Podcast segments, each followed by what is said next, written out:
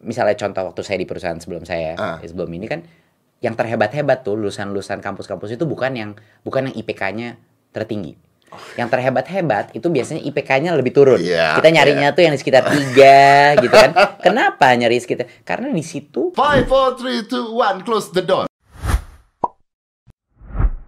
Ya, gue tuh baru bikin buku namanya Millennial Power. Oh, Oke, Millennial Power. Now is top 10 book. Uh, wow.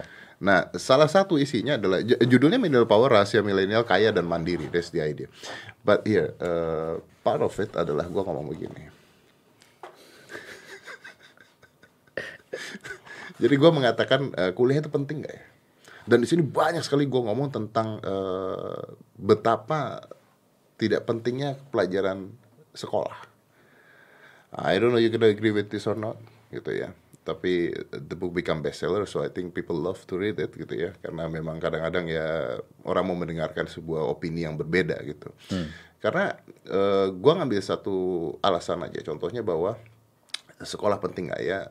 Ada banyak hal. Pertama, ketika lu lulus S1, orang kadang-kadang ngelakuin apa yang namanya postponing reality gua ngomong postponing reality dia lulus S1 dia nggak tahu mau kerja apa oke kita anggap aja S1 desain lah misalnya. S1 desain lulus dia nggak tahu mau kerja apa. Karena dia postponing reality dia ambil S2 right. jadi bukan karena dia mau ambil S2 no, karena dia nggak tahu mau ngapain dan punya duit untuk itu. Dia ambil S2 selesai dia mau masuk kerja udah ketinggian. Jadi akhirnya dia sepakat jadi dosen untuk ngajarin desain ke anak-anak baru yang nggak akan punya kerjaan juga nantinya gitu. So now become a questions di gua adalah banyak orang sukses bukan dari sekolah. Gue tidak mengatakan pendidikan tidak penting loh ya. Gue mengatakan konsep pendidikan di sekolah tidak 100% membuat lu sukses. Now you agree with that? Apakah Menteri Pendidikan diartikan pendidikan dalam hal besar atau pendidikan sekolah?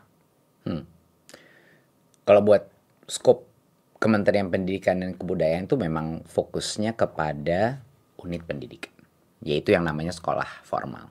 Tapi bukan hanya itu.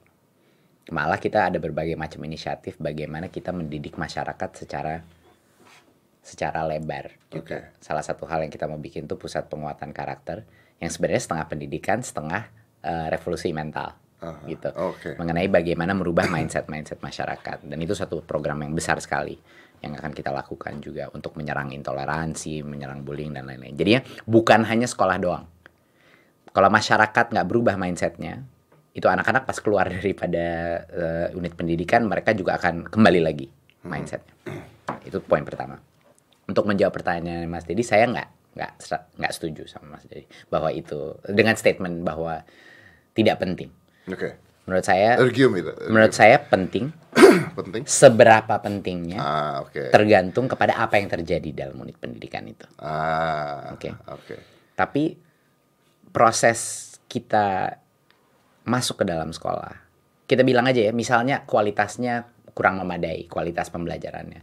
Tapi bahwa anak-anak itu duduk bersama dengan komunitas pelajar lainnya di luar situasi rumahnya dia, harus berinteraksi secara sosial dengan murid-murid lain, mau itu di kampus SD, SMP, SMA, bahkan di PAUD, itu saja sudah suatu hal yang sangat penting ya anak-anak saya di di PAUD ya umur umur dua tahun Dua tahun. dia datang ya saya kan suka datang ke kelasnya dia datang ya main-main aja seharian dia kan umur Yes, dua yes, malah yes, tapi yes. kenapa penting untuk dia Kenapa situ? penting? Karena dia datang ke situ untuk pertama kalinya anak saya mengetahui oh ternyata ada mainan yang bukan punya saya Oke. oh ternyata Oke. di sini saya sama aja sama orang-orang sama anak-anak lain Oke. ada aturan-aturan So main social learning.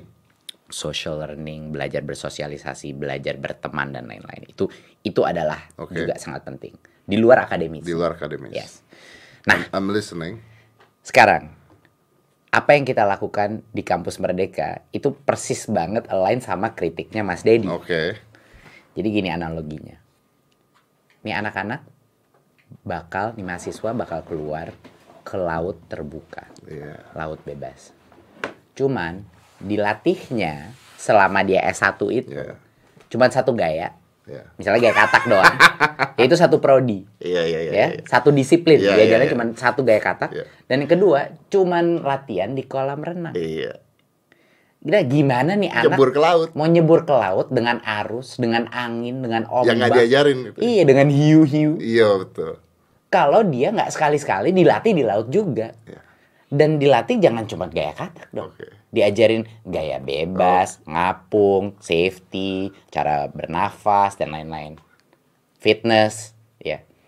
Jadi kampus Merdeka itu kenapa tiga semester di luar prodi itu kita lakukan itu Ya, because untuk itu yang makanya ini gebrakan yang Iya. dibutuhkan karena kita harus komunitas non profit non profit kelas dunia perusahaan-perusahaan eh, eh, dan juga universitas-universitas lain harus berpartisipasi untuk melatih si S1 ini Oke. si anak-anak masa depan pemimpin kita kalau dia nggak dilatih di tempat-tempat lain ya kapan dia siapnya dia Iya. bakal nyemplung ke dalam itu laut dia bakal tenggelam dan itu yang sedang terjadi sekarang Yes. semuanya pada tenggelam makanya nanti ditunda-tunda terus kan Iya. ya udah deh sekolah lagi deh Postponing Iya, reality sekolah kan, lagi ya deh. betul. dan nah, itu nah itu dia. Oh, I like this, I like this, I like you. Justru kan gua gua judul gua adalah kuliah penting ya, gitu kan pertanyaan. Dan dan gua explain tentang kenapa nggak pentingnya kuliah dari biaya yang mahal, dari gaji lu UMR dan sebagainya. But at the end, I I think I think uh, your opinion ya. I think gua ngomong. Jadi apakah kuliah itu penting? Terus gue bilang, iya penting. Gue bilang. Jadi setelah gue mengatakan kuliah tidak penting, at the end gue mengatakan iya penting. Di dalamnya kamu bisa belajar tentang kepemimpinan, gue bilang. Project-project yang seru sama teman-teman kamu, kemampuan untuk presentasi dan soft skill, gue Ya. bilang. Tapi jauh lebih penting kamu fokus, eh, yang jauh lebih penting daripada kamu fokus pada kurikulum yang nggak relevan dengan kehidupan nyata. tapi alangkah powerfulnya alangkah baiknya kalau di kurikulumnya sendiri hal-hal Ada interaksi kalau dia yang SKS-nya dia lakukan dia juga melatih project based learning dia juga melatih Yang soft ada relevan dia. dengan kehidupan nyata, iya, idea kan. bukan cuma organisasi mahasiswa aja. Itu malah yang yang bagus-bagus tuh misalnya contoh waktu saya di perusahaan sebelum saya Ah. sebelum ini kan yang terhebat-hebat tuh lulusan-lulusan kampus-kampus itu bukan yang bukan yang IPK-nya tertinggi. Yang terhebat-hebat itu biasanya IPK-nya lebih turun. Iya, Kita nyarinya tuh yang di sekitar tiga gitu kan. Kenapa nyari sekitar? Karena di situ experience atau pengalaman kepemimpinannya dia tuh sangat tinggi. Dia berbagai macam aktivitas dari BEM, ngatur-ngatur IO dan lain-lain. Dari situlah kepemimpinan itu terjaga. Nah, alangkah baiknya kalau kurikulumnya sendiri dan dosen-dosen dalam mengajar mata pelajarannya juga mengajar dengan cara atau metode yang melatih skill-skill itu di bahwa dia melakukan team based learning. Jangan cuman kuliah aja secara pasif, tapi seminar diskusi, debat gitu. Mendingan direkam semua pidat apa semua ceramah-ceramahnya itu mendingan direkam Iya, aja betul. sebelum masuk ke kelas Lu dia dengerin. udah dengerin seperti kayak podcastnya Mas Iya, Dedi iya. dengerin dulu baru langsung pas datang berdebat dan berpresentasi dan That's lain-lain. the whole idea. Iya. That's the whole idea. Anyway, I want to give this book to you. Lu baca nggak juga? Nggak ada, nggak. uh, It's okay. Millennial power. Iya. Nah, bro, gua suka dengan kata-kata lu seperti itu. Tapi gimana cara lu ngerubah Indonesia punya sistem pendidikan seperti itu? Dengan dengan kebijakan dan dengan In the five ya, years, have to try. Harus nyoba. like serious? Kalau kita putus asa aja semua ya nggak bakal ada perubahan gitu. Memang berat kalau kita ngelihat tuh ke depannya berat dan pasti butuh waktu 10-15 tahun gitu. Jadi ini akan melewati masa saya. gitu. Tapi ya kalau kita nggak optimis ya nggak akan terjadi lah perubahan-perubahan gitu. Di ini kampus Merdeka sekarang ini karena dibilang tiga semester itu di luar prodi dan dua dari tiga semester di luar kampus ini untuk pertama kalinya berbagai macam rektor sekarang bertemu dengan rektor-rektor lain yuk kita bikin exchange program yuk. Ah, karena anak-anaknya kita harus memenuhi hak mahasiswa Iya, untuk bisa melakukan di luar prodi. Berarti di luar universitas exchange juga bisa. Barulah mereka semua ngumpul-ngumpul ngomong-ngomong melakukan deal-deal mengenai gimana kita melakukan eh, exchange program. Pertama kalinya sekarang perusahaan-perusahaan karena prodi itu untuk buka prodi baru sekarang harus bermitra dengan universitas kelas dunia, perusahaan kelas dunia atau non profit kelas dunia ya untuk membuat prodi baru. Itu prodi itu kayak major Yap, yap, ya. yap. prodi baru. Jadi sekarang terjadilah suatu uh, pernikahan massal yang sedang terjadi. Memang sulit proses transisi ini. Banyak yang masih uh, nggak yakin, banyak yang takut dengan uh, perubahan gitu. Tapi paling tidak ini pasien yang tadinya tidur ini bangun. Okay. Bangun dan dan mulai sadar bahwa kita harus bertindak, kita harus melakukan perubahan. Dan dan dari situlah harapan saya dalam lima tahun ke depan akan menjadi suatu perubahan mindset yang nggak bisa diputar balik. Itu aja. Itu harapan saya, nggak bisa diputar balik. Gitu. Tidak bisa diputar balik ya? Harapannya. Jadi kalau gak menterinya ganti nanti tetap dijalankan hal seperti itu. Harapannya gitu. Harapannya seperti iya. itu. Kalau lu bicara tentang uh, mindset yang nggak bisa diputar balik, kan sebenarnya mindset sekarang anak-anak tuh berubah di zaman sekarang dengan zaman dulu. Everything mm. change. Mostly with uh, social media yang sekarang lagi gila-gilaan dan sebagainya. What do you think about that? Mengenai apanya? The social media. Is it good? Is it bad? Is it good kalau dipakainya good? Is bad kalau dipakainya bad? menurut saya ya benar social med, social sosmed itu se, sebaik penggunanya dan seburuk penggunanya gitu itu sama kayak kayak apa pun itu merupakan suatu weapon atau senjata yang bisa for good mm. sama for bad gitu. Mm. tapi sosmed itu jadi gini bukannya semuanya jelek dan sudah jelas nggak semuanya baik tapi harus ada kesadaran di masyarakat kita apalagi di anak-anak muda bahwa sosmed itu ada konsekuensinya terhadap kesehatan mental kita. Ya, eh, dan itu merupakan hal yang uh, jadi kita nih eh, misalnya kita melihat hal-hal lain seperti hal-hal yang menimbulkan kecanduan seperti misalnya narkoba atau alkohol atau merokok gitu kan dan itu kita mengerti okay. resikonya kepada kesehatan okay. kita tapi banyak anak-anak muda tidak sadar bahwa kesehatan mentalnya dia dengan sosmed itu ada konsekuensinya dan puasa sosmed itu sangat penting untuk mengetahui apa dampaknya ya, lu lakuin itu kan lu pernah ngelakuin itu kan saya udah udah hampir dua setengah tahun puasa sosmed ya sama sebenarnya bukan puasa lagi udah udah stop stop sosmed. Apakah itu ngebantu bro? Sangat luar biasa. Kesehatan mental. Wah luar biasa. Sebelum itu saya hampir uh, sulit sekali sulit sekali untuk mengetahui dampaknya apa yang terjadi kepada kita sampai kita keluar dari sosmed. Pas kita keluar dari sosmed baru baru mulai sadar bahwa oh kenapa ya saya merasa jauh lebih kalem Kenapa saya merasa lebih pede dengan keputusan-keputusan saya? Gimana saya bisa lebih fokus kepada kerjaan dan keluarga saya dan merasa lebih secure, merasa lebih apa ya? Ya, merasa lebih ya secure sebenarnya.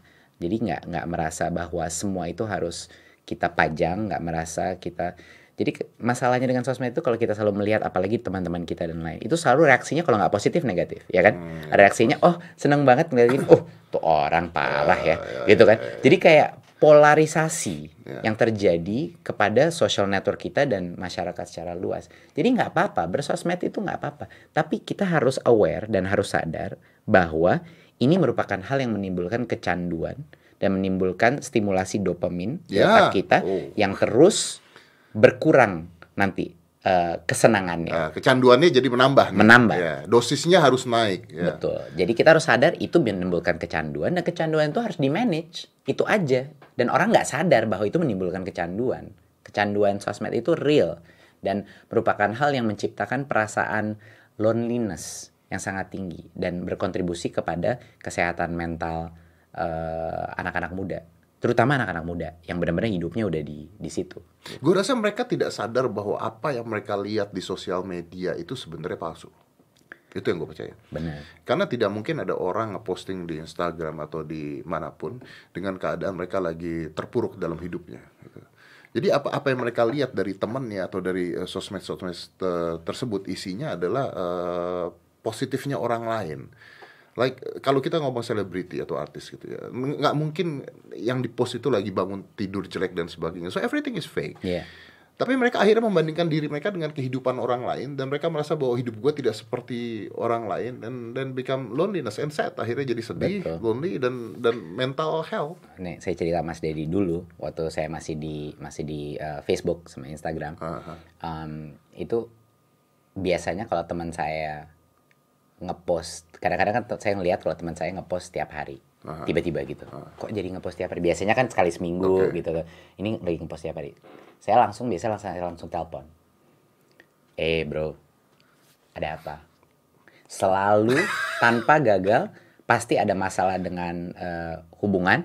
Wait a minute. Lu connected that lu mengkoneksikan hal tersebut dengan masalah. hampir 100% Oh, ya? selalu akurat Oh ya? Ya, jadi kalau dia ngepost tiap hari itu teman-teman saya ya, Ya, tahu ya, ya, saya nggak punya sampel orang lain. Iya. Let's say your- ini teman-teman case saya, ya, kasus iya, lu ya. iya. Oke.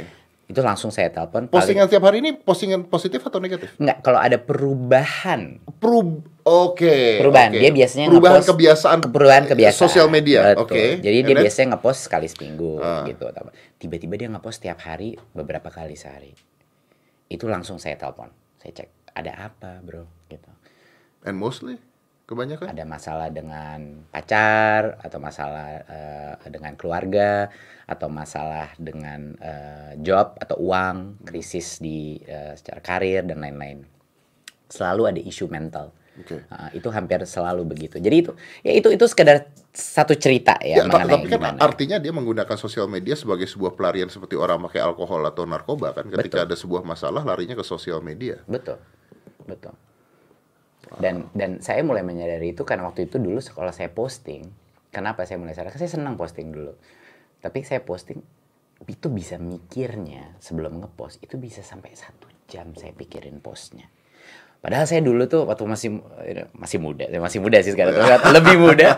Dulu tuh ngerasa ah gue gue nih pede gitu kan masih muda dan dan jadinya nggak nggak perlu selalu eh, mamer-mamer atau apa-apa gitu. Tapi ternyata waktu saya sadar ngepost aja kok saya satu jam mikirnya itu artinya saya ben- sebenarnya dalamnya tuh care. Apa yang orang kira mengenai saya. Kita ini semua care sebenarnya. Dan dari situlah kita membuat suatu posting kita Yang engineer so- itu posting biar pas sesuai yang kita inginkan orang melihat kita To please other people. Betul. Dan itu proses itu menurut saya tidak sehat. Proses untuk memframing diri kita dan mengengineer kita. Se- Sedangkan saya inginnya nih anak-anak muda kita, saya selalu bilang waktu di Nacho juga sama, saya selalu bilang yang paling penting itu punya keberanian untuk menjadi diri kamu sendiri. Dan dan itu sangat sulit di dalam ekosistem social media. Gitu. Karena dengan partisipasi di dalam aktivitas digital, aktivitas simulasi itu yang namanya sosmed, kita melatih diri kita untuk tidak menjadi diri kita. Ya, Itu, benar nggak? betul. Betul. Dan pembuat sosial media, apa pun sosial medianya, tahu tentang hal tersebut. Tahu tentang kebiasaan itu. Makanya itulah dibuat supaya orang kecanduan. Gua baca satu artikel tentang Facebook. Jadi ada orang eh, menganalisa tentang algoritmanya Facebook. Ternyata kalau gua nggak salah ya, ternyata berita-berita negatif itu lebih disebarkan. Karena berita negatif itu eh, dapat attention dari orangnya lebih banyak, lebih besar. Akhirnya berita negatif lebih tersebar dibandingkan berita positif. Ya, Tapi buat eh, company-nya sendiri, oh this is money. Karena lebih banyak attachment-nya dengan orang-orang lain. Akhirnya itu yang terjadi. Iya. Jadi sebenarnya this is also by design. By design bahwa untuk membuat orang kecanduan dengan hal yang berbeda. Dan itu dibiarkan karena eh ya kalau narkoba dan minuman keras orang tuanya tahu, tapi kalau sosial media kalau lu nggak ikutan lu nggak lu nggak keren. Lu nggak keren. Kalau gue sih sampai sekarang belum. tapi Mas Dedi tahu nggak? Sejak saya puasa itu, Oh iya, I want to know that. Tell me what happened. relationship atau hubungan saya sama teman-teman saya menjadi lebih dalam. Karena kalau kangen atau kepengen nongkrong, langsung nelpon. Eh, bro, yuk makan yuk. Yuk datang mampir gitu. Jadi kualitas jelas eh, yang yang koneksi teman-teman kita yang yang tadinya teman-teman ya quote Ya, unquote ya, teman-teman itu memang jadi kita kayak dilusi pertemanan sosial kita. Jadi merasanya ini awalnya saya merasa sedikit aduh kayak kayak lepas koneksi ya sama teman-teman, tapi lama-lama dengan teman-teman yang benar-benar punya value, eh, punya makna di hidup saya itu menjadi jauh lebih kuat. Dan saya jadi lebih secure. Jadi sebenarnya kualitas pertemanan saya improve loh sejak saya puasa. Itu itu aneh kan, counter intuitif hampir, tapi mungkin itu karena, realitas saya. mungkin karena kita tidak tahu apa yang terjadi pada teman kita dan sebagainya kali ya jadi akhirnya kita pingin lebih tahu pingin pingin lebih care dan sebagainya Hmm. kalau nggak kan ketika kita ngeliat oh, kayaknya bye-bye aja nih kayaknya ya udah gitu kan you feel close jadi menjauhkan yang dekat mendekatkan yang jauh kan Yeah. sebenarnya kan itu yang Yeah. terjadi kan Ya, karena kalau gue sampai sekarang there are things yang gue sampai sekarang gak ngerti adalah contohnya ketika orang-orang posting makanan di sosial media gitu. Oh my god.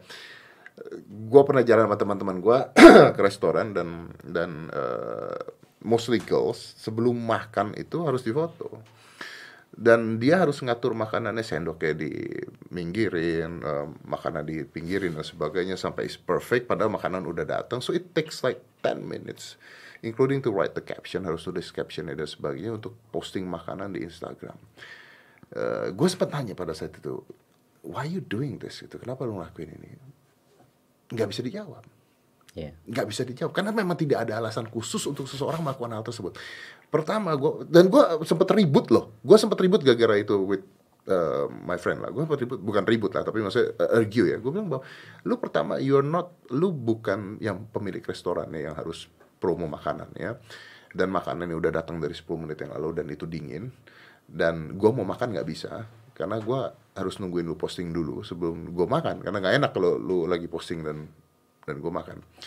Tapi what I realize is bahwa ternyata itu bukan di dia, tapi banyak sekali orang posting makanan di sosial media.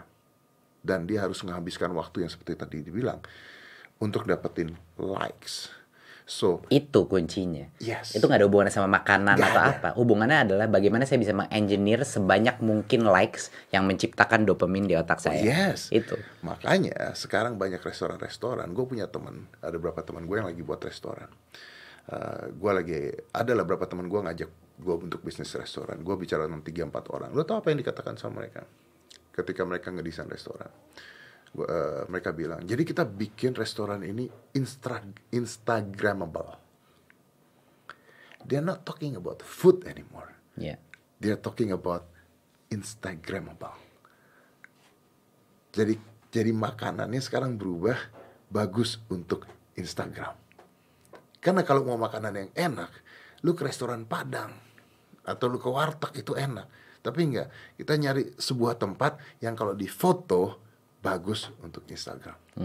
See, even the taste change dari dari logika makanan enak sampai logika makanan yang bagus dilihat oleh orang-orang lain.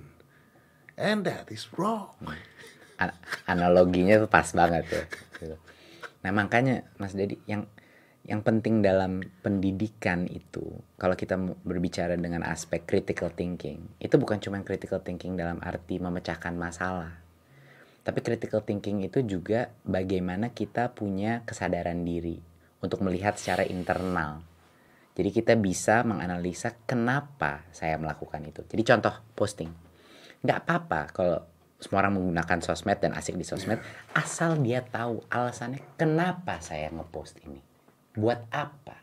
Kenapa saya 10 menit 15 menit cuman untuk mendesain foto makanan ini? Kenapa bikin saya seneng kalau orang like dan bikin saya kecewa kalau nggak dapet like? Itu apa yang lagi eh, proses di otak saya itu seperti apa? Nah ini nanti nyambungnya sama hoax, nanti nyambungnya sama berbagai macam hal-hal lain. Critical thinking adalah kemampuan anak-anak kita untuk bisa informasi yang masuk stop dulu atau suatu kemauan, keinginan yang impulsif stop dulu. Ada filternya. Coba saya pikir, ini kenapa ya saya mau melakukan ini? Pemikiran itulah yang akan satu-satunya vaksinasi untuk intoleransi, satu-satunya vaksinasi untuk eh, hoax atau fake news, satu-satunya vaksinasi untuk eh, pemaksaan kehendak atau memanipulasi dari orang-orang di sekitar dia. Itu kuncinya critical thinking itu itu. Dia ada filter untuk informasi yang masuk ke dalam otaknya dia. Dia punya proses. Tunggu dulu, saya cek dulu. Ini bener nggak sih? Make sense nggak sih? Why? gitu. Why? Why? Why am I doing this? Itu pertanyaan itu luar biasa pentingnya.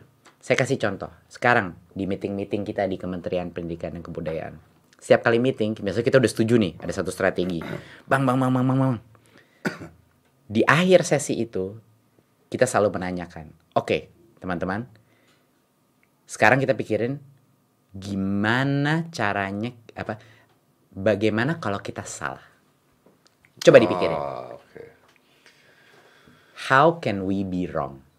Bagaimana kalau kita salah? Apa yang salah? Ayo jadi kita balik lagi. Tadi kita udah Iya, nemuin solusi iya, kita balikin lagi. Gimana kalau kita salah kayak gini? Oh iya kita salah gitu atau bagaimana kita bisa gagal. Nah itu namanya critical thinking itu adalah bisa melihat hal dari berbagai macam sisi. Kalau di classroom kita kalau di sekolah-sekolah kita informasi itu hanya satu arah. Dari guru ke anak atau dari dosen ke mahasiswa. Dan tidak ada perdebatan dan interaksi di mana ada berbagai macam solusi yang bisa terjadi. Ga- Bagaimana anak-anak kita bisa punya kompetensi critical thinking itu untuk menimbang berbagai macam hal. Sekarang pasif konsumsi, hafalan, tes. Kita harus berubah kepada suatu arah di mana anak itu bisa menerima berbagai macam informasi, memfilternya, mengorganisir dalam otaknya dan membilang bahwa oke, bisa ini, bisa itu. Ini pronya ini, ini kontranya ini. Dan dari situlah tercipta manusia yang holistik, yang bisa berfungsi dalam demokrasi kita. Ini kan sebenarnya ada di teori five thinking hat. Hmm. You know, ketika suatu orang eh, pakai eh, topi putih, hitam, merah, yang satu harus memprotes, satu harus setuju, satu harus mendebat, satu harus apa. Hmm. Itu kan sebenarnya pentingnya adalah seperti itu bahwa eh, eh, what if this happen, what if this happen. Hmm. Tapi dari semua yang tadi lu omongin itu eh, tentang sosial media, tentang filter, tentang eh, pendidikan itu semua, mungkin nggak ini semua dimasukkan ke dalam sekolah? No? Enggak, enggak cuman di sekolah. Harus di dalam society juga, harus dalam keluarganya dia ini. Ini ditanamkan. Jadi ini benar-benar harus gotong royong. Enggak bisa cuman di sekolah. Tidak bisa cuma sekolah. Enggak bisa. Anak itu kan sekolah ya mungkin 6 jam sehari, 7 jam sehari, sisanya dia di tempat-tempat lain. Gitu. Jadi perannya orang tua itu bisa dibilang sama pentingnya kalau nggak lebih penting lagi. Ah, Oke, tapi gue sering sekali melihat orang tua yang lagi di mall atau lagi di restoran anaknya berkeliaran main sedangkan orang tuanya lagi ngecekin handphone. Iya, jelas. ya susah kalau orang tuanya masuk ke dalam matrix. Ya susah anaknya keluar dari matrix gitu kan. Saya analoginya matrix lah. Iya, iya, iya. Gitu. Mungkin teman-teman banyak yang nggak tahu matrix tapi Mas Dedi tahu kan Iya, matrix iya, ya. iya. Tapi lu gitu. ngelihat gak hal seperti itu terjadi? Jelas. Karena itu terjadi di depan gue berkali-kali. Last week gue lagi nonton bioskop di 21. Gue lagi duduk eh, premier kan ada restorannya duduk. Ini ada dua anak kecil teriak-teriak dari ujung lari ke sana, ujung lari ke sana dan gue nggak tahu orang tuanya mana. Gue tahu itu orang tuanya mana setelah pintu teaternya dibuka. Which is actually orang tuanya next. Dia duduk di samping gua. Duduk samping gua. Dan dari tadi dua-duanya suami dan istrinya lagi megangin handphone. Lagi yang satu ngecekin Instagram istrinya ngecekin Instagram karena istrinya di samping gua gua tahu gua nggak tahu suaminya ngapain. Lagi ngecekin Instagram suaminya juga lagi begini. Mereka tidak saling bicara. Mereka nggak saling bicara. Dan mereka nggak ngurus dan nggak peduli bahwa anak-anaknya dari tadi teriak-teriakan gangguin orang tapi they're in that matrix yang udah ada zonanya sendiri, zonnya sendiri, and that's it. Jadi sama dengan ketika lu mabok, kebanyakan alkohol, lu nggak ngurusin anak lu. Exactly the same. Hmm. Exactly the same. Yap. Tapi kan ini susah kita bicara karena kelihatannya tidak ada dampak Negatifnya. negatif kesehatan, ya kan? Nggak ada yang mati dari sosmed, nggak ada yang mati dari kecanduan internet gitu. Ya mungkin ada yang bunuh diri dan lain-lain karena mental health ini sering sekali kebukti di berbagai macam negara. Sekarang suicide rate udah naik. And mungkin itu yang akan bikin orang bangun Yeah. dan menyadari bahwa ini ada resikonya gitu. Ya, dan yang gue masih nggak habis pikir adalah kalau lu bicara bunuh diri dan sosmed adalah there are people yang sekarang mau bunuh diri aja dimasukin ke sosmed. Ya kan? Ada bunuh diri live. Ini menyeramkan, Ngapain orang bunuh diri live? sedih. Sedih banget ketika itu dilakukan di sosmed. Dan ini kalau kita melihat kayak topik bullying, ini ini luar biasa sedihnya. Dari dari hasil PISA itu kelihatan sekali waktu kita mensurvei anak-anak Indonesia. Ini ironisnya anak-anak Indonesia itu salah satu yang paling bahagia. paling bahagia. Salah satu di relatif Oke. negara-negara lain. Tapi incidence bullyingnya itu sangat tinggi. Dan bullying itu bukan hanya fisik, ini baliknya ke sosmed lagi. Oh. Bullying yang yang jadi gini, kalau mau melihat kondisi anak-anak kita apa yang terjadi, banyak orang bilang, "Oh ya, Mas Menteri, anak-anak kita eh, banyak yang bullying. Ini kenapa ya? Ada krisis karakter."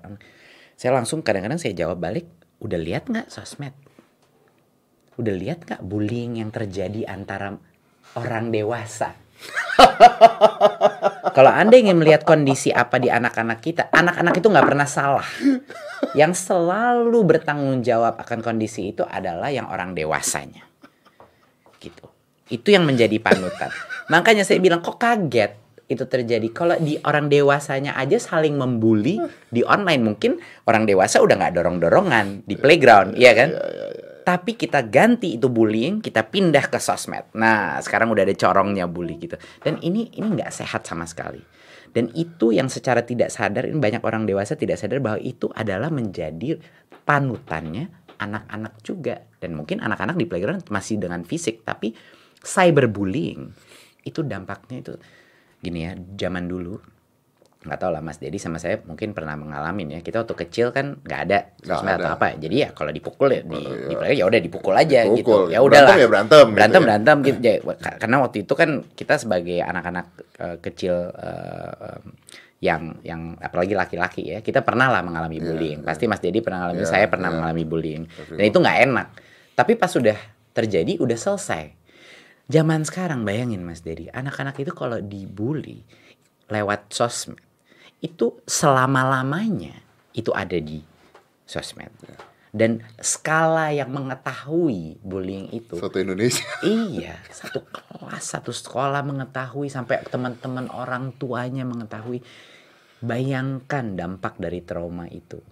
Dan itu nggak bisa di solve hanya dengan satu pihak. Itu orang tua, sekolah harus bertanggung jawab, kemasikan itu tidak ada.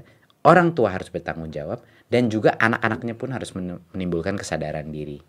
Dan dari dari kita menurut saya itu merupakan su- suatu hal yang harus kartu merah.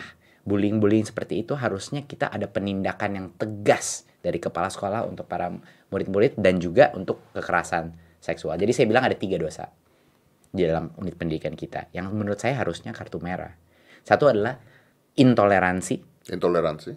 kedua adalah kekerasan eh, atau bullying, ya. Yang ketiga adalah pelecehan atau kekerasan seksual. Oke. Ini harusnya udah nggak ada debat mengenai ini. Harusnya tindakannya harus tegas dan harus ada pertanggungjawaban sekolah itu bahwa hal-hal itu tidak terjadi di dalam sekolah itu. Makanya di dalam asesmen kompetensi yang diganti UN itu yang sekarang cu- cuman meng- mengukur sekolahnya bukan mengukur muridnya, itu ada numerasi, literasi dan juga namanya survei karakter.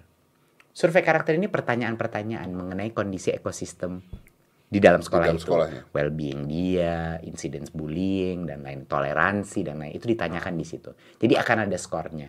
Kita harus mengukur dan harus menindak dan selama ini kita buta terhadap situasi apa yang terjadi dalam sekolah. Jadi salah satu survei itu adalah untuk memberikan kita suatu ide apa yang terjadi di dalam ekosistem sekolah itu. Dan gue setuju sama lu eh, sebelum gue eh, ini, gue setuju sama lu. I think the most important thing balik lagi ketika tadi lu duduk di sini. I think yang paling penting adalah gimana orang tuanya deket sama anaknya. Iya. Itu paling penting karena eh, kayaknya mental anaknya itu adalah senjata terbesar sekarang untuk jadi tameng. Karena kalau kita belum bisa ngubah mindset dari sosial media atau mindset bullying dan sebagainya, tapi mental anak siap untuk hal tersebut itu udah harus jadi suatu hal yang ada gitu. Anak sudah harus tahu bagaimana caranya bermain sosial media dari orang tuanya ngajarin, orang tuanya mencontohkan dan sebagainya. Karena anak gua, eh, my son, eh, Aska, dia main sosial media. This is good thing about him. Dia taruh foto di Instagram tapi dia tidak pernah mau baca komen. Karena gua nanya kenapa kenapa kamu nggak mau baca komen? Why is hurt? Iya. Ya. And I don't need to listen to them. People I don't know that I don't care. dia. Dan itu harus dicanangkan dari pendidikan orang tuanya juga sebenarnya. And everything. Bro, is I- your time is up. Your assistant there say, you need to go, you need to go, you need to go, you need to go. Gua masih banyak banget pengen ngobrol sama lu tapi Iya, ya, bisa you lagi lah go. nanti. We'll this. Nanti kita Iya, ngobrol lagi. Iya. Masih banyak hal-hal yang kayaknya penting dan asik banget diomongin sama lu. But Banget. for today, thank you very much for Thank you, coming. bro. It's such a pleasure to have you. It's an honor Same. to have you here. Same, thank okay, you. and thank you for being you.